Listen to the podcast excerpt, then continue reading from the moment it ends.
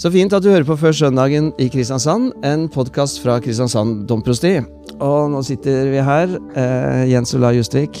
Det stemmer. Ja, det er adventstid. Det er det, det. Ja. Og så er Iselin Jørgensen her. Ja da. Og så er jeg her, Nils R. Andersen. Men hvor er Aud? Det vet vi ikke. Det er det ingen som vet. Nei. Og vi vet ikke hvor de andre kollegaene er heller, for vi pleier alltid å være fire. Så nå må vi snakke for uh, fire på denne tredje søndag advent-podden. Vi har liksom bestemt oss at vi skal gå helt fram til jul. Ja, Mm. prøv på det. Eh, og eh, neste over jul så skal vi etablere en egen sånn Facebook-side, sånn at det blir lettere å følge oss. Det er, jeg har hørt en del som ikke klarer å finne disse podene og sånt. Det må vi gjøre noe med. Det høres veldig bra ut. Vi vil jo gjerne at flere enn oss skal høre på oss. Jeg hørte det var en i Vennesla nå som Er hørte på oss. sant, Ja, det? det er sant det. Ja. Så vi når litt ut av byen. Ja, Da hilser vi til Vennesla. Ja.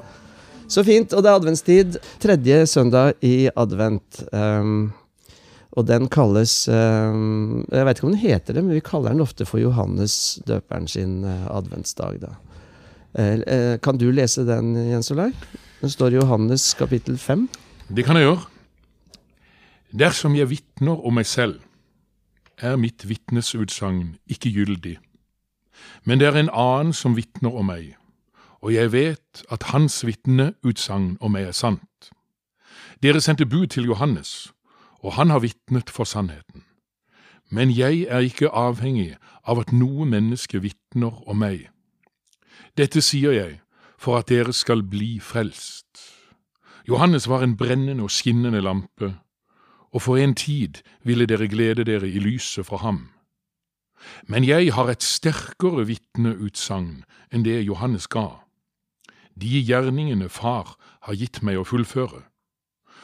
Og det er disse gjerningene jeg gjør, som vitner om at Far har sendt meg. Slik lyder det hellige evangelium. Mm, det gir jo ikke noe sånn ultra julestemning. Eh, og sånn er jo adventstiden. Er full av, eh, full av litt skrubb. Og, og det er jo en liten fastetid og litt alvorlige tekster. Men Johannes døperen, kan vi ikke snakke litt om han først? Eh, hvem var han? Eh, det er en karakter. Ja, jeg syns det er fascinerende å lese om han. Ja. Og jeg tror jeg kan du egentlig kan begynne tidlig. Lukas forteller jo om hvordan han kom til verden, holdt jeg på å si. Og det er Elisabeth og Zakaria. De er gamle, og de får besøk av engelen, som sier at de skal få en sønn. Og det, men det, det syns Zakaria var litt svært å tro. Han gjorde det, ja. Han spør hvorfor kan jeg, hvordan kan det gå til hvis vi er så gamle. Og da må englene ha hatt en litt gretten dag, fordi at da slo han av lyden for Zakaria, rett og Ja. slett, så han ble stum. Det stemmer. Ja. Og han går stum under hele dette svangerskapet. Og, eh, men så er det noe flott, og samtidig det går vel kanskje bare noen måneder da, så opplever Maria det samme. Ja. Så det, vi må se disse to historiene som parallellhistorier. Og det er jo en vakker historie der Elisabeth og Maria møtes. Etter at Maria har eh, engelen har vært, og, og hun er med barn hos hun, så besøker hun Elisabeth. Og det er en veldig sterk møte mellom de to kvinneskikkelsene. Der eh, hun vel egentlig hun sier, Elisabeth, er nå det, at med en gang Maria kommer inn i rommet, så gjør Johannes et spark i magen, eller? Ja, Han gjør slå kolbøtte. Ja. Så Jesus og Johannes de møter hverandre allerede mens de er eh, et foster. Mm. Og Johannes merket det møtet. Og så er de familie. Tremenninger. Ja. Ikke det de blir, da? Er det det, ja? Mm. Jeg visste de var i familie, men jeg har aldri klart å kartlegge hvor nære. De kusiner, var det ikke det? Jo. Elisabeth Men det er jo også noe altså, Når da Zakaria, når Johannes fødes, da, så er det jo en sterk historie der. Hva han skal hete. Og da var det jo ofte det at det var vel kanskje mannen som bestemte hva han skulle hete. Men da er det Elisabeth som tar styringa. Så sier hun han skal hete Johannes. Han skal hete Johannes. De begynner å krangle i familien, for det er ingen som heter Johannes. Nei, der. ingen. Og det blir liksom litt sånn Og så tar Zakaria, og så vinker han hen. Må ha noe å skrive på. Og så skriver han at han skal hete Johannes. Og hva skjer da? Da får han stemmen igjen.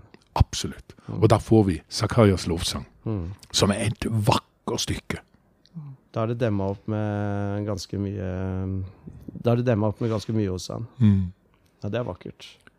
Men det må jo ha vært et navn som var ganske vanlig, for det er jo flere Johanneser i, i Bibelen. Mange. Mm. Ja. Mm. Ja, men Vi skal ikke gå inn i den navndiskusjonen der, men Johannes blir jo en voksen mann. Han gjør det. Og når vi møter han igjen, så er han en, eh, en eh, Altså en eh, forkynner og predikant med en voldsom autoritet og stemme. Han holder til ute i ørkenen. Mange Du- følgere. Ja. Men det, jeg har alltid sett for meg han som en sånn asket da, ute i ørkenen. Men du hadde litt sånn andre vinklinger, Nils. Ja, altså Ja, jeg har også alltid sett på han at, uh, som en asket, men så leste jeg en teolog da som mente at uh, Hallo, fyren levde av villhonning og gresshopper. Dette var sånn luksusmat. Uh, han gikk med en, en, en ganske forseggjort kappe. Og at du mente at beveggrunnen til Johannes for å leve ute i ørkenen var ikke fordi at han um, var ikke askesen, men det var at han plasserte seg selv hos profetene. De gamletestamentlige profetene. Og, eh, hvor, som talte til dette folket som riktignok hadde rømt fra Egypt og inntatt Kanans land, men de hadde ikke inntatt Det lovede land. det lovede land, fordi de de levde fortsatt og ventet på at disse løftene skulle bli oppfylt, og at Guds herredømme skulle, skulle overta. Eh, så de levde på en måte åndelig sett ute i ørkenen fortsatt. Allerede, men enda ikke. Ja. Kan en si det sånn? Ja, og det er der ikke sant, den derre overgangsfiguren der at så, møter, så står han ved den grenseelven Jordan og døper. Og en dag så møter han Jesus der. Eh, og Jesus trer inn, inntar dette landet og sier nå er tiden inne. Guds rike er kommet nær. Vend om og tro evangeliet. Så spør han om å bli døpt.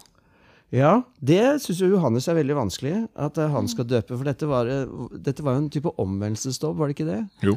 fra syndene og sånt. Aldri i verden om jeg skal døpe deg. Det er heller motsatt, sier Johannes. Og så sier Jesus jo, det må skje for å oppfylle all rettferdighet. Det er litt av en situasjon, det der. der. Se altså for seg det bildet, da.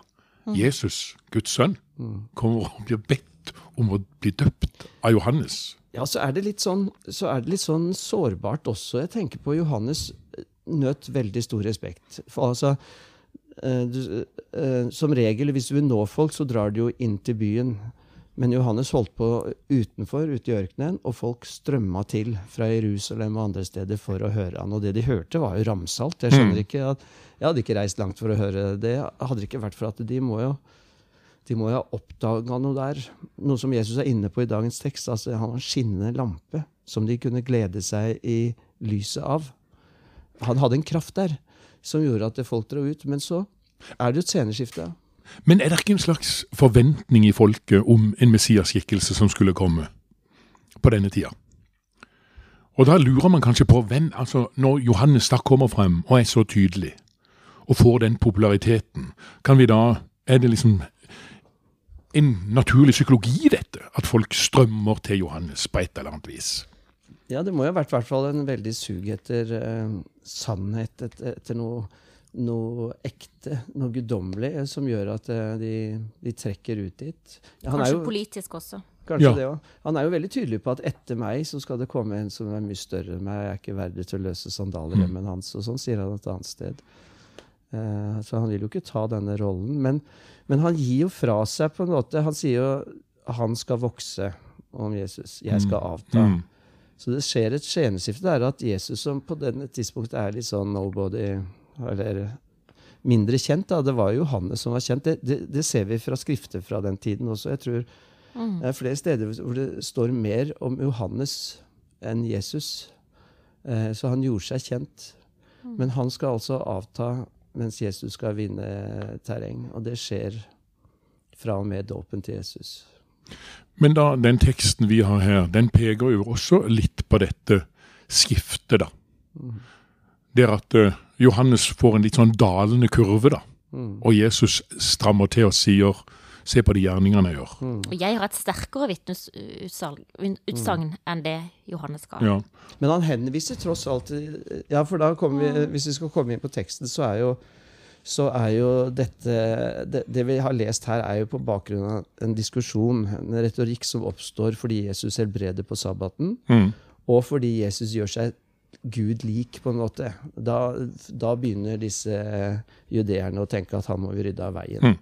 Um, og så er det i Jesus sitt på en måte forklaring til dette her at han, han, han, argumenterer med at han og far er ett, og alle de tingene, men så sier det, så kommer han liksom til rettssalen, hvor, hvor, hvor det var sånn at du måtte ha liksom to vitnesbyrd for at det skulle bli trodd. da. Så har han Johannes, som er en populær og, og anerkjent mann. Han vitner om han, det har han gjort flere ganger.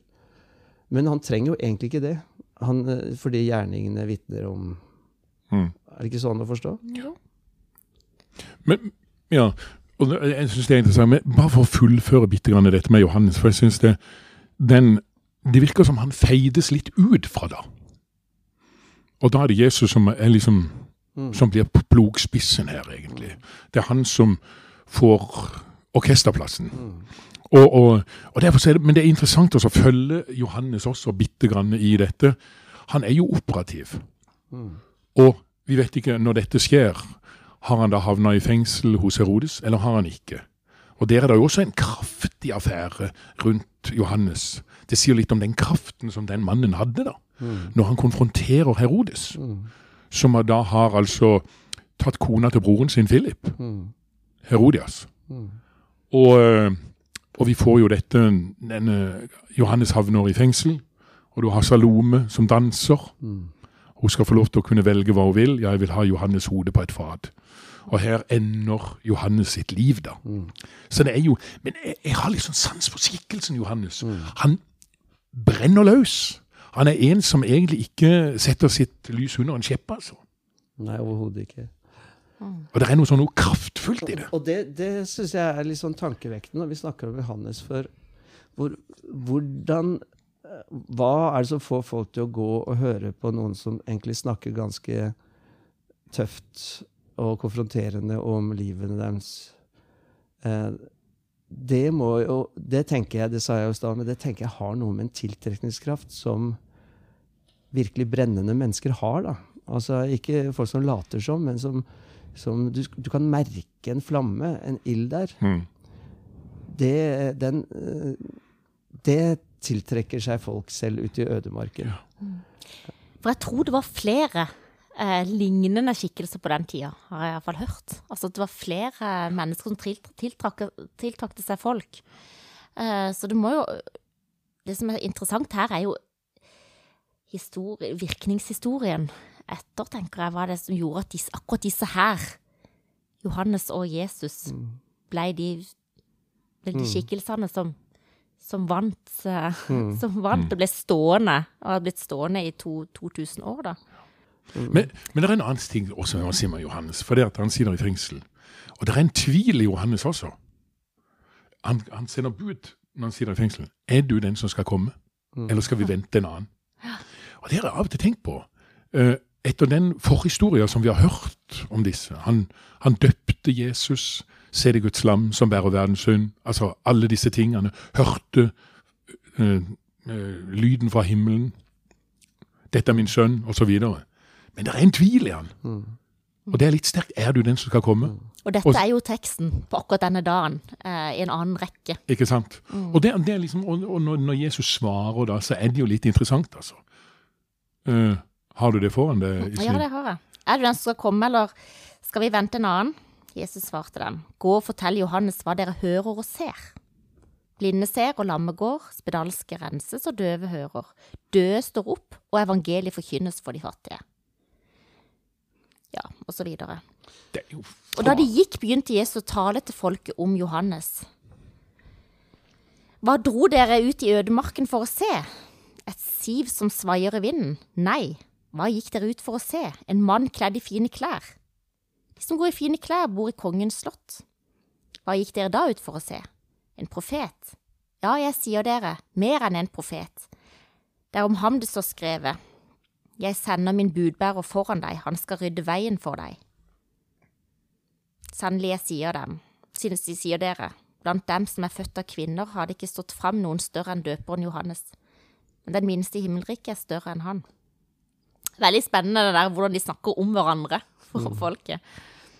Det er nære, men det Jesus eh, viser til der, som du leste, det er også det som skjer. Det er det samme som i vår tekst. Det er gjerningen hans. Så tro meg i det minste, for av gjerningene mine. Og det er jo eh, interessant å tenke når vi leser evangeliene, så, så har vi jo en tendens Og det er noe sant med det, med at vi leser om alt det gjør, Jesus gjør som på en måte sånn tegn på noe som en gang skal skje. Mens de er jo kanskje enda mer kraftige tegn som viser noe om eh, hva som skjer der og da. At nå har Guds rike kommet nær. Mm. Vend om. Eh, se, eh, lamme går, blinde ser. Evangeliet forkynnes for fattige. Han sier det også til Johannes, at eh, skal jeg vente en annen? Nei. Gå og fortell hva dere hører og ser. Mm. Mm. Ja, og disse menneskene som fulgte, fulgte etter Jesus, de hadde jo ikke sett noe verken korsfestelse eller oppstandelse, og de fulgte han likevel. Mm. Um, Mm. Men det er jo som han sier eh, Jesus i synagogen i Nasaret òg. Der når han åpna bokrull, bokrullen og Lukas 4. Lukas 4. Ja. Det, det er litt noe av det samme. Noe av det samme som han Ja. kommer tilbake til. Herren så nå over meg, for han har salvet meg for å forkynne et godt budskap for fattige. Han har sendt meg for å rope ut at fanger skal få frihet og blinde få syn igjen, for å sette undertrykte fri og rope ut et nådens ord for Herren. Så rullet han bokrullen sammen, rakte den til synagogetjeneren og satte seg. Alle i synagogen stirret spent på han. Og han begynte med å si, i dag er dette skriftsordet blitt oppfylt mens dere hørte på. Det er, det er litt samme som han sier i dagens tekst, altså. Men dere, så er det jo Vi sier at de ventet på Messias på den tiden og sånt. Eh, på en måte er det en veldig annerledes tid, men på en annen måte så er det jo ikke sånn veldig ulik tid. Det er urolig verden vi har rundt oss også. Og, og dette behovet for å møte noe som er virkelig autentisk ekte, det tror jeg mange mennesker i dag kjenner på. Mm. Og er villige til å reise ganske langt, egentlig, for å, for å møte det. Um, Kanskje den som også handler. mm, Og se at noen faktisk gjør noe med problemene, liksom. mm. Um, Det tror jeg de fant i Johannes. Og ikke minst i Jesus. Ja, hva er det de finner der, da? I Johannes så finner de en veldig sånn ærlig, rett fram konfrontasjon med sitt liv Mm. i forhold til Guds vilje. Um, som jeg syns høres brutal ut. Jeg er ikke noe god til å høre på sånt. Men, uh, men, han, uh, men de møter jo noe veldig der, og så Mm. ser de på en måte en som Hvor dette kommer på en måte helt sånn innenfra. Han er en brennende flamme. Han er en lampe, ikke sant. Mm. Eh, bare det uh, gjør at man kan høre mye. Og i Jesus så ser du jo dette i praksis, at uh, her er det et annet rike som bryter inn i vår verden. Noe ganske annet. Ja. Ja. Og det, men det sier jo litt om den der brennende engasjementet som Johannes har da for dette, Mm. kan jeg tenke. Og derfor så blir liksom eh, Nå snakker vi veldig mye om Johannes, men Johannes blir jo temmelig tom hvis ikke vi trekker inn Jesus i dette. Mm. Og da tenker jeg, og da kan du gå til f.eks. den Peter-teksten i 2. Peter. Morgenstjernen som stiger fram, og som trer inn i våre liv. Mm. Og eh, som du leste fra Lukas 4 her, sette fanger fri, et nådens år. Det er jo egentlig Det er jo noen sterke bilder, dette. Det er det. På, på hva. Men hva betyr dette for oss, da? Ja, det er et Hvordan- godt spørsmål. Det ble jeg sitte og tenke på. For hvordan dette riket som blir synlig eh, Her blir Guds rike synlig i kraft av eh, nye handlinger, nye mønstre, nye fellesskap. Mm. Det så man jo, og det var jo kanskje derfor de ble kjent, fordi den første kristne menigheten danna helt andre typer fellesskap Ja. enn det de gjorde i Romerriket. Det var menn og kvinner, slaver og fri sammen. De delte alt. Ingen led nød. Altså, dette var jo en praktisering av dette gudsriket som de trodde på, som, eh, som folk søkte til. Da tenker jeg, hva, hvor, I hvilken grad gjør vi det som eh, kirke og fellesskap i dag? Altså, Tror vi på et sånt rike, eller går vi bare og venter på det, at det skal komme ramlende ned? Eh, med vold og makt og fra øst til vest og nord og sør. Og, skjønner du hva jeg mener? Mm. For jeg tror, jeg føler, Det føler jeg er appellen i denne teksten her, eller i hvert fall i hele sammenhengen her, er at det, det jeg hører i det, det er dette Guds rike har kommet nær. Vend om. Tro evangeliet. Hvordan gjør man det? Det var vi litt innpå sist òg, altså. Ja. Men, Ja. Men det er jo dette med Ja, nei, du, du løfter fram Jeg syns det er liksom Jeg liker den der morgen... Altså den der eh, Den her morgenstjernetenkninga. Bildet. Jeg liker det litt godt. De sier eh, I en jødisk tradisjon så sier de det når natten er som mørkest, da begynner dagen. Og det er liksom Ja. Og det er en slags tenkning rundt dette at det, det er noe som vokser fram her. Et, et lys. Noe som er revolusjonerende. Altså noe som kommer med, med Jesusskikkelsen. Dette Altså, det er noe sånn Ja. det, det, det er grensesprengende. Kjærligheten. Det er tilgivelsen, håpet, fremtiden. Du kan smøre på her. Men det er noe Og derfor så føler jeg i møte da med Johannes Jesus-skikkelsen, så er det et eller annet Det er en sånn gryende gudsrike tenkning her som, som vi er en del av her vi sitter i dag. Enten vi vil eller ikke, holdt jeg på å si. Det er en del av det. Og hvordan klarer vi liksom å snakke tydelig og, og sant om det, da? Er morgenstjernen solen? Er det det det er snakk om når man Nei, er bruker det, det ikke- begrepet? Er det ikke Jeg tror det er Jesus. Jeg. Det er Jesus. Og du har han igjen i, i, i, i, Johans ombaring også. Ja, jeg vet det er Jesus her, men er det sånn fenomen? For det blir jo kalt morgenstjernen Er det ikke den planeten som, som man fortsatt ser på morgenen? Er det det? Er ikke den Jeg har alltid tenkt det var solen når jeg snakker om morgenstjernen. Å, ja. Ikke, jeg har Du- skjønt du, at det er bilde ja, på Jesus. Ja, Nå er jeg på tynn is, altså. Det. Men lat som det er solen. altså Det man gjør når solen står opp, det er at man går ut og strekker seg mot den og tar imot sollyset og varmen og alt det der. Mm. Så begynner man å arbeide. De to tingene er et- et møte med denne morgenstjernen Mm. som du snakker om. at vi To ting egentlig. At man strekker seg mot den, åpner seg, lar den, lar den varme, lar den lyse på deg. Og så er det å gå i gang og gjøre og arbeide. Det høres jo veldig usjarmerende ut. Kom inn i livet. Ja, Kan du si det sånn, da? Ja. Mm. Rett og slett at det, i, i det lyset kan vi få lov til å blomstre, komme inn i livet, være oss selv. Mm. Tre ut av mørket og inn i Mm. muligheten. Ja. Så fint. Jeg skal jo preke på søndag, eh, så at, eh, men det er, og disse podene er jo så god hjelp, fordi man kommer i gang med tankeprosessen. De er jo veldig sånn på vei, Mm. eh, disse samtalene her. Så får vi se hva det blir til. Men det er jo det er flere ting her som jeg bare hadde lyst til å spørre dere litt om. La oss si Johannes han skinte på, lyste på Jesus. Han er veldig tydelig. Han blir ofte i kunsten malt med en kjempestor pekefinger. Han peker på Jesus. Og her fremstiller han som en lampe, ikke sant? Eh, spotlight. Hva er det han ehm, eh, Så tenker jeg litt så aktuelt, da. Eh, hvis vi ser på oss som vitner, eller alle som på en eller annen måte forholder seg til Jesus med tro eller med kjærlighet eller med nysgjerrighet, de blir på en måte vitner til Jesus. Altså Når du går hjem fra julaften og har hørt juleevangeliet, så er du på en måte et vitne. Eh, Mm. Da har du møtt han eh, i hans fødsel, liksom. Men hva er det vi vit vil vitne om, eller hva er det hva er det jeg ville ha festa liksom lyset på med Jesus sitt liv? Forstår du spørsmålet? Mm.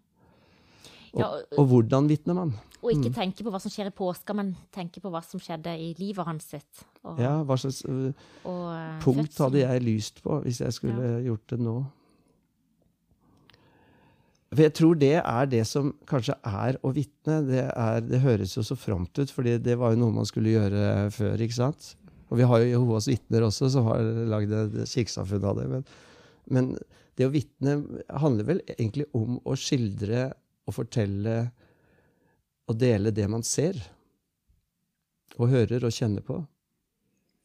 Ja, det gjør det.